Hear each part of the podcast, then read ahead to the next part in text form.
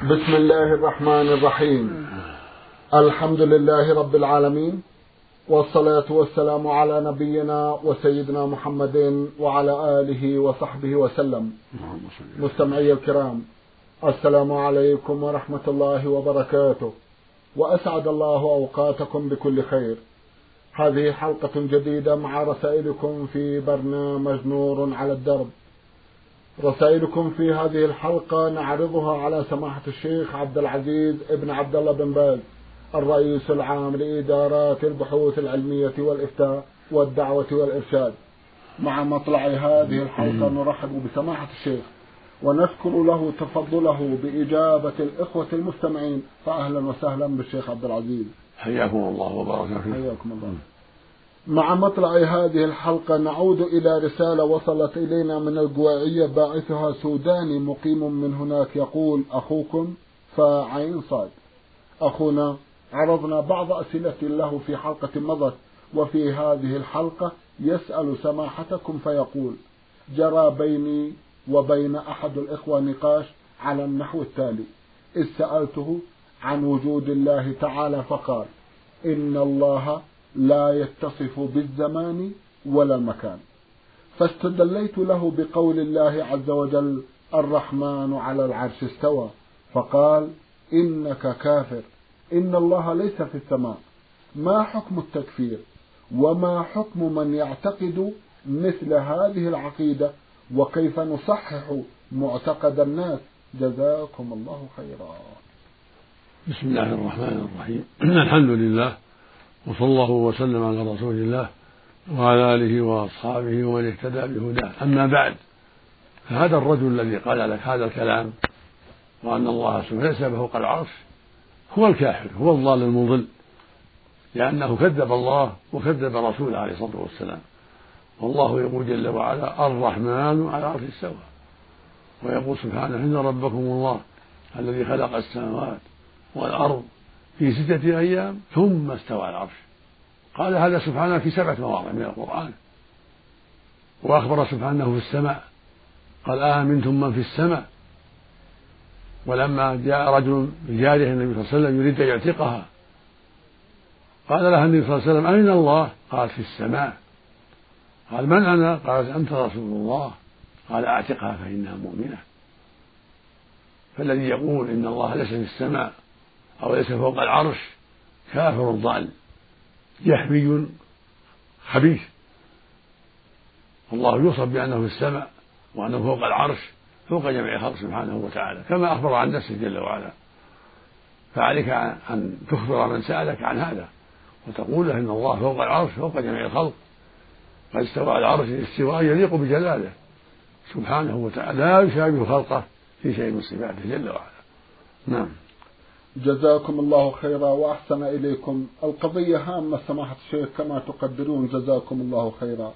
هل تنصحون إخوتنا المستمعين بقراءة كتب معينة كيما يكون على العقيدة السليمة الصحيحة؟ نعم ننصح الجميع بقراءة القرآن. وأصدق كتاب وأعظم كتاب وأنفع كتاب.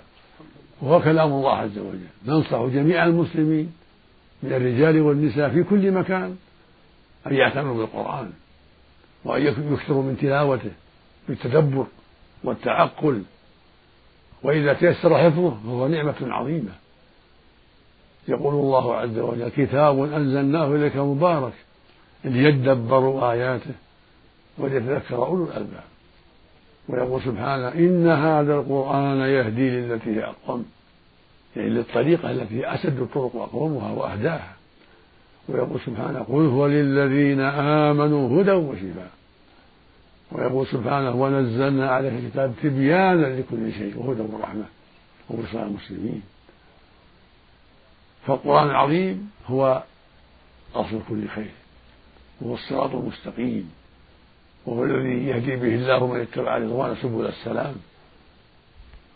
فالواجب على أهل الإسلام أن يعتنوا به ويتدبروه ويتعقلوه وأن يوضحوا للناس معانيه على العلماء أن يوضحوا للناس معانيه حتى يتفقهوا في ذلك وحتى يستقيموا على ذلك. كما ننصح أيضا العلماء وطلبة العلم قراءة التفاسير المأمونة الطيبة كتفسير ابن جرير وتفسير ابن كثير والبغوي وأشباهها حتى يعلموا الناس الخير وحتى يرشدوهم إلى ما قد يخفى عليهم من كتاب الله. فطالب العلم إذا أشكل عليه شيء من القرآن يراجع كتب التفسير المعتمدة حتى يستفيد. وإذا كان عاميا يسأل أهل العلم الذين عنده أو في بلاد أخرى بالمكاتبة أو من طريق الهاتف التلفون يسألهم عما أشكل عليه. فالقرآن هو الهادي إلى الصراط المستقيم. هو أصدق الكتب وأنفعها وأعظمها وهو كتاب الله عز وجل. فالواجب تدبره وتعقله والعمل والعمل ما فيه. ثم سنة الرسول صلى الله عليه وسلم. فيها الهدى والنور. فيها بيان ما في كتاب الله. فيها الدعوة إلى كل خير. فالرسول صلى الله عليه وسلم هو المبين عن الله. والدال على كل خير عليه الصلاة والسلام.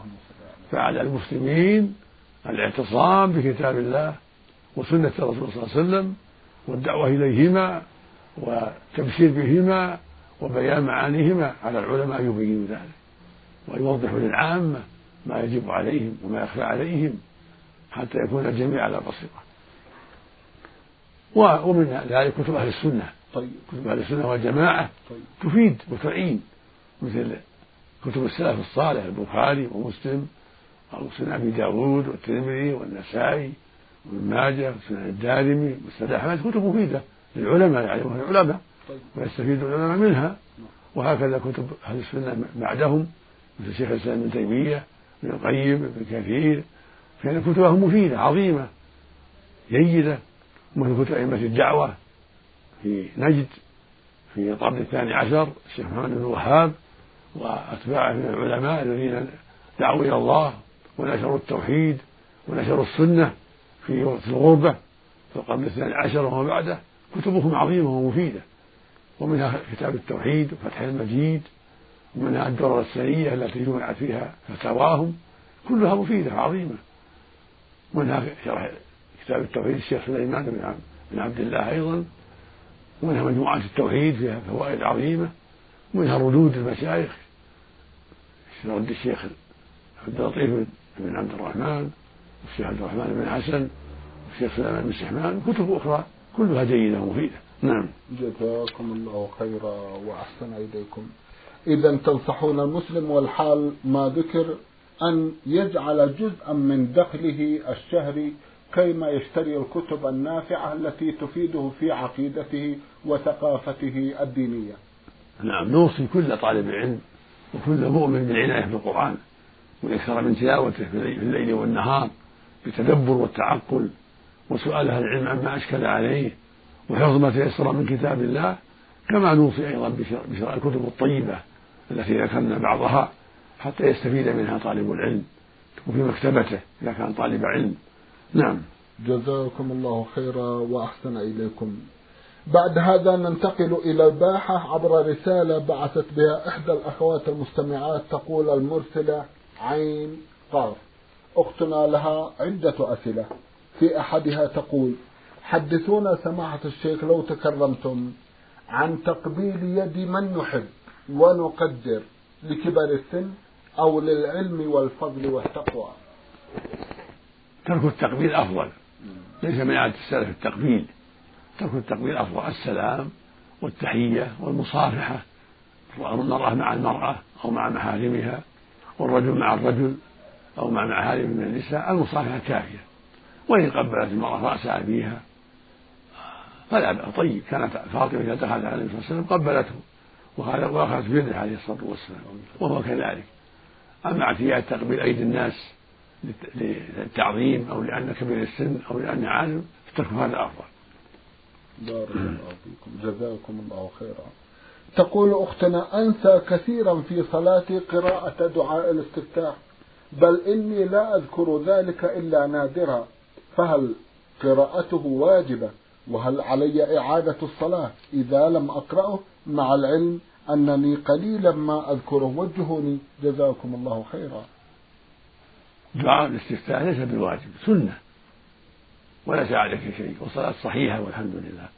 لكن احرصي على ذكره تحفظيه. وإذا دخلت في الصلاة وكبرت التكبيرة الأولى تأتي بالاستفتاح وأخصره سبحانك اللهم وبحمدك وتبارك اسمك وتعالى جدك ولا إله غيرك هذا استفتاح مختصر عظيم. يكفي.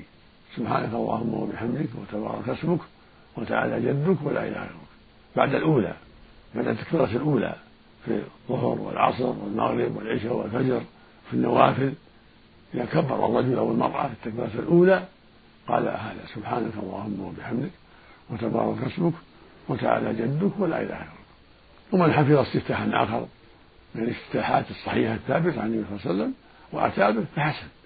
لكن هذا الاستفتاح مختصر وسهل على عامة الناس.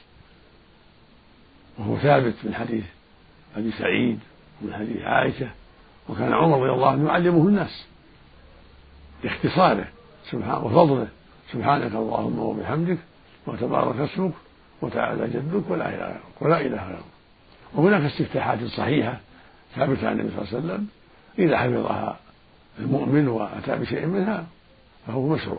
نعم. جزاكم الله خيرا وأحسن إليكم. رجل عق والديه كثيرا حتى إنه لا يزورهما بل ويتكلم عليهما بما لا يتكلم به الابن على أبيه.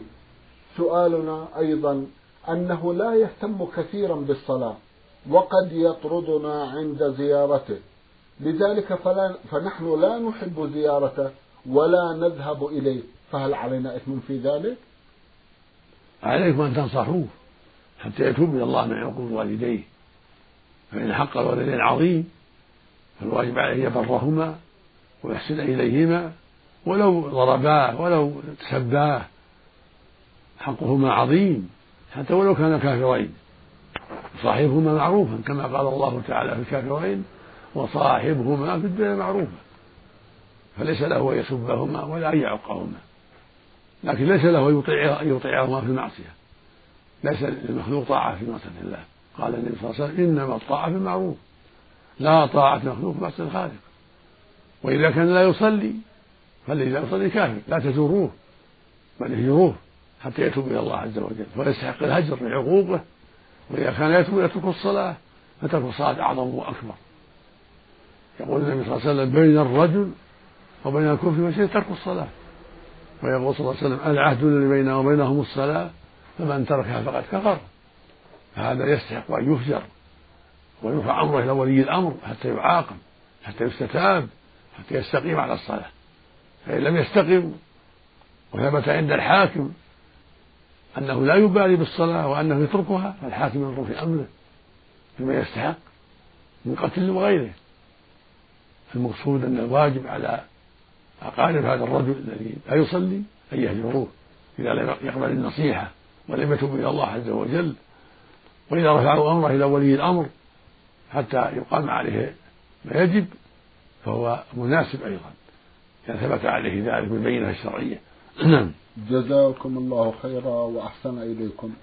أختنا تقول سماحة الشيخ أقوم بفتح الراديو على إذاعة القرآن الكريم وأحيانا يكون القارئ يقرأ ولكن لا أنصت إليه لأنني أكون مشغولة ببعض العمل. هل يؤثر ذلك؟ وهل في ذلك محذور؟ وجهوني وأمثالي. جزاكم الله خيرا. المشروع استماع القرآن والإنصات. فإذا كنت مسؤولة عنه ولا تستمعين فأغلقيه حتى تستمعي له إذا حصل فرصة فاستحي واستمعي وإذا لم يحصل فرصة فأغلقي هذا هو الأفضل للمؤمن والمؤمنة. أما كون يعبث عند القرآن ويتكلم ويخوضون والقرآن بين أيديهم لا. لكن إذا كان تسمعينه ولا في خوض ولا ولا لغط تسمعين.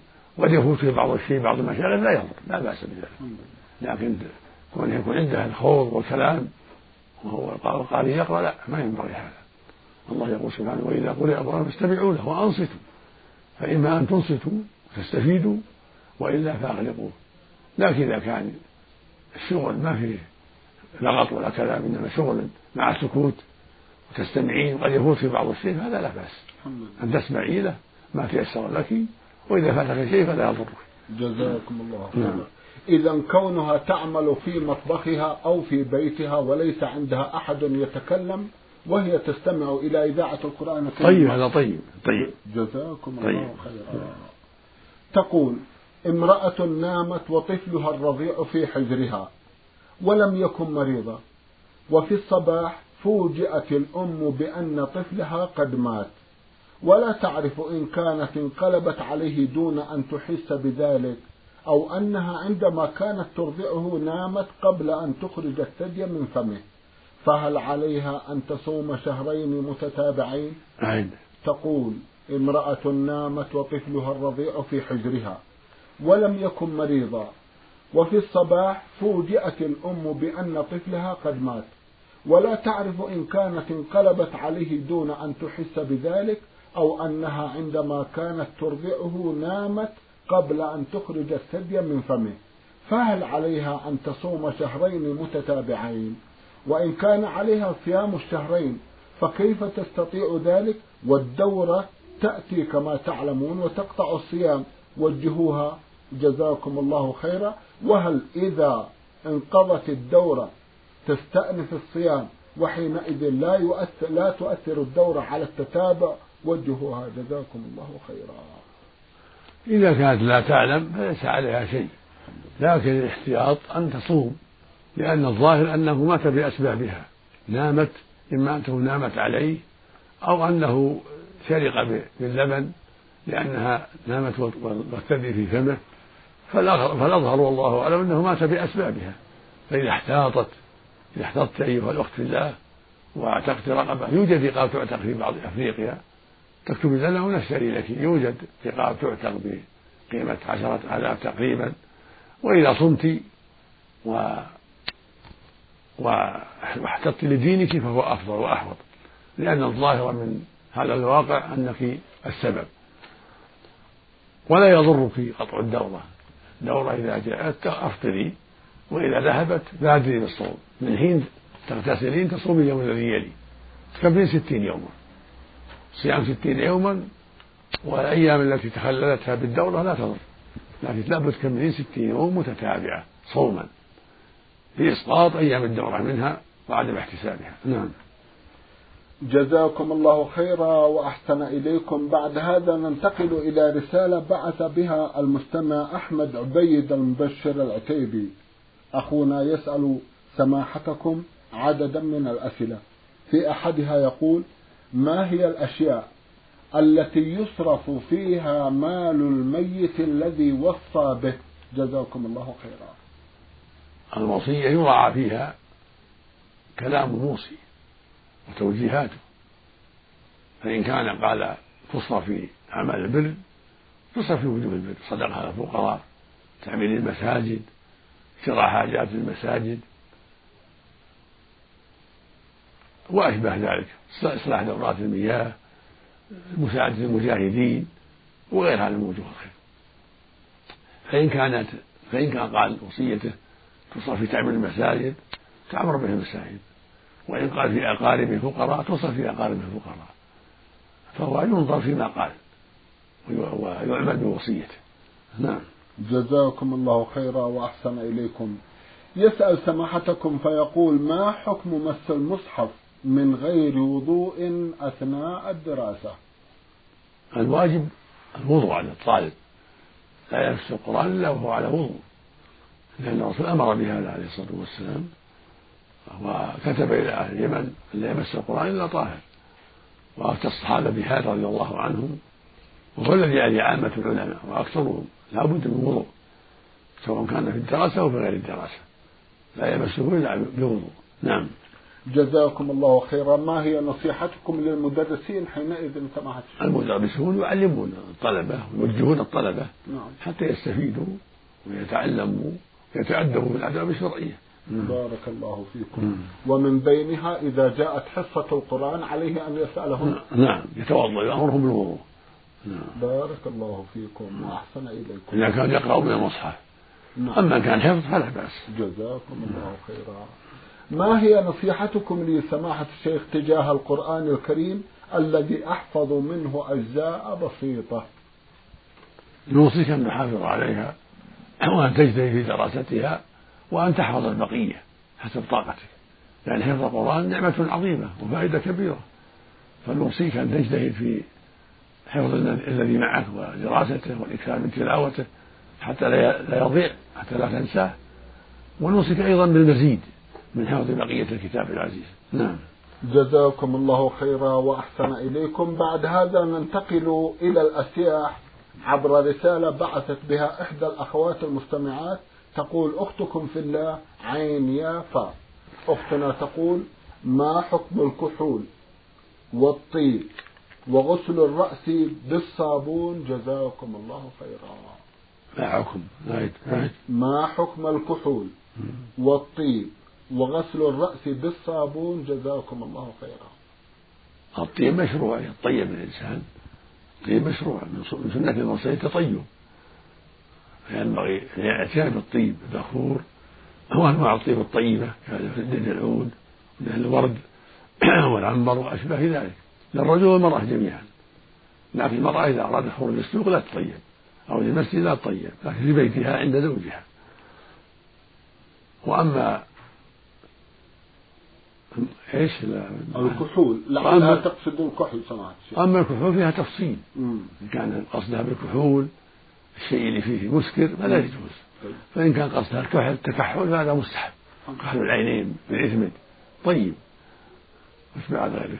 كذلك الصابون لا بأس به. طيب. غسل الرأس أو البدن بالصابون لا بأس به. نعم. للرجل والمرأة جميعا. إلا إذا كان الإنسان محرم فلا يمس الطيب أو مثل الإحرام حتى يحل من إحرامه. لا يتطيب حتى يحل من إحرامه والصابون إذا كان مسك وهو محرم فترك أولى وإلا فلا يضر. ليس بطيب لكن لو تركه لأن فيه رائحة الطيب حسن. ولو استعمل فلا حرج. الحمد لله. نعم. جزاكم الله خيرا. وسواء كان ذلك في رمضان أو في غير رمضان في رمضان. أو في غيره. نعم. بارك الله فيك نعم. تسأل أختنا وتقول ما حكم غسل وتنظيف الأسنان بالفرشة والمعجون في رمضان؟ لا حرج في ذلك لكن لا يبلع شيء. للرجل والمرأة. يغسل فمه وأسنانه يدخل ما يحصل هناك. يمجه نعم. جزاكم الله خيرا. هل في الذهب الذي يلبس زكاة؟ أم لا؟ أفيدونا. جزاكم الله خيرا. إذا بلغ الذهب الذي يلبس أو الفضة النصاب ففيه الزكاة على الراجح من أقوال العلماء. في خلاف بين أهل العلم منهم من رأى فيه الزكاة. ومنهم من رأى عدم الزكاة. والصحيح الذي يفتي به أنه يزكى إذا بلغ النصاب سواء كان أسورة أو قلائد أو غير ذلك. إذا بلغ النصاب ذهب أو فضة يزكى في الألف خمسة وعشرين ربع العشر. لأن الرسول صلى الله عليه وسلم رأى على امرأة أسورة فقالت زكينا تعطينا زكاة هذا قالت لا. قال يسرك يسولك الله به ويوم القيامة من النار فألقتهما ألقتهما لله ولرسوله. وقالت وقالت أم سلمة تلبس اوضاحا كانت أم سلمة أم المؤمنين رضي الله عنها تلبس تلبس اوضاحا من ذهب. فقالت الرسول الله أكنز أكنز هذا؟ فقال ما بلغ يزكى فزكي فليس بكنز. ولم يقل لها يحرم فيها زكاة. وإذا بلغ النصاب يزكى. فإذا ما زكي فهو كنز. يعني يعذب بالصاحب. فالمقصود أن الراجع أن الحلي من الذهب والفضة إذا بلغت النصاب وحال عليها الحول ففيها الزكاة. والنصاب عشرون مثقالا من الذهب. أحد عشر جنيه ونص سعودي. ومن الفضة مئة وأربعون مثقالا. يعني ستة وخمسون ريال فضة وما يعادلها. نعم. جزاكم الله خيرا وأحسن إليكم من قرية أبو الحنشان في المنطقة الشمالية رسالة بعث بها أحد الإخوة من هناك يقول أخوكم سالم سليمان. يسأل سماحتكم فيقول هل يجب على كل مسلم أن يتوضأ لكل صلاة فرضا أو أو نفلا حتى لو لم يحدث؟ لا يلزمه ذلك. الحمد لله. إنما يتوضأ إذا كان محدثا. قوله سبحانه يا أيها الذين آمنوا إذا قمتم إلى الصلاة فاغسلوا وجوهكم. هو إذا كنتم رافق الآية المراد إذا كانوا محدثين. يعني إذا كنتم محدثين. هذا المراد عند أهل العلم في أصح أقوالهم رحمة الله عليهم. أما إذا كان على وضوء فإنه يصلي بوضوءه الصلاتين والأكثر. كان النبي صلى الله عليه وسلم يصلي بوضوء واحد الصلوات العديدة عليه الصلاة والسلام. نعم. جزاكم الله خيرا. يسأل سماحتكم أيضا عن حكم المسح على الجوربين. مثل مثل الخفين. المسح عليهما جائز في أصح قول العلماء. إذا كان ساترين نعم. للقدمين لا يرى منهما بياض القدم ولا سواده ساترة فإنه يمسح عليهما كما يمسح على الخف من الجلد.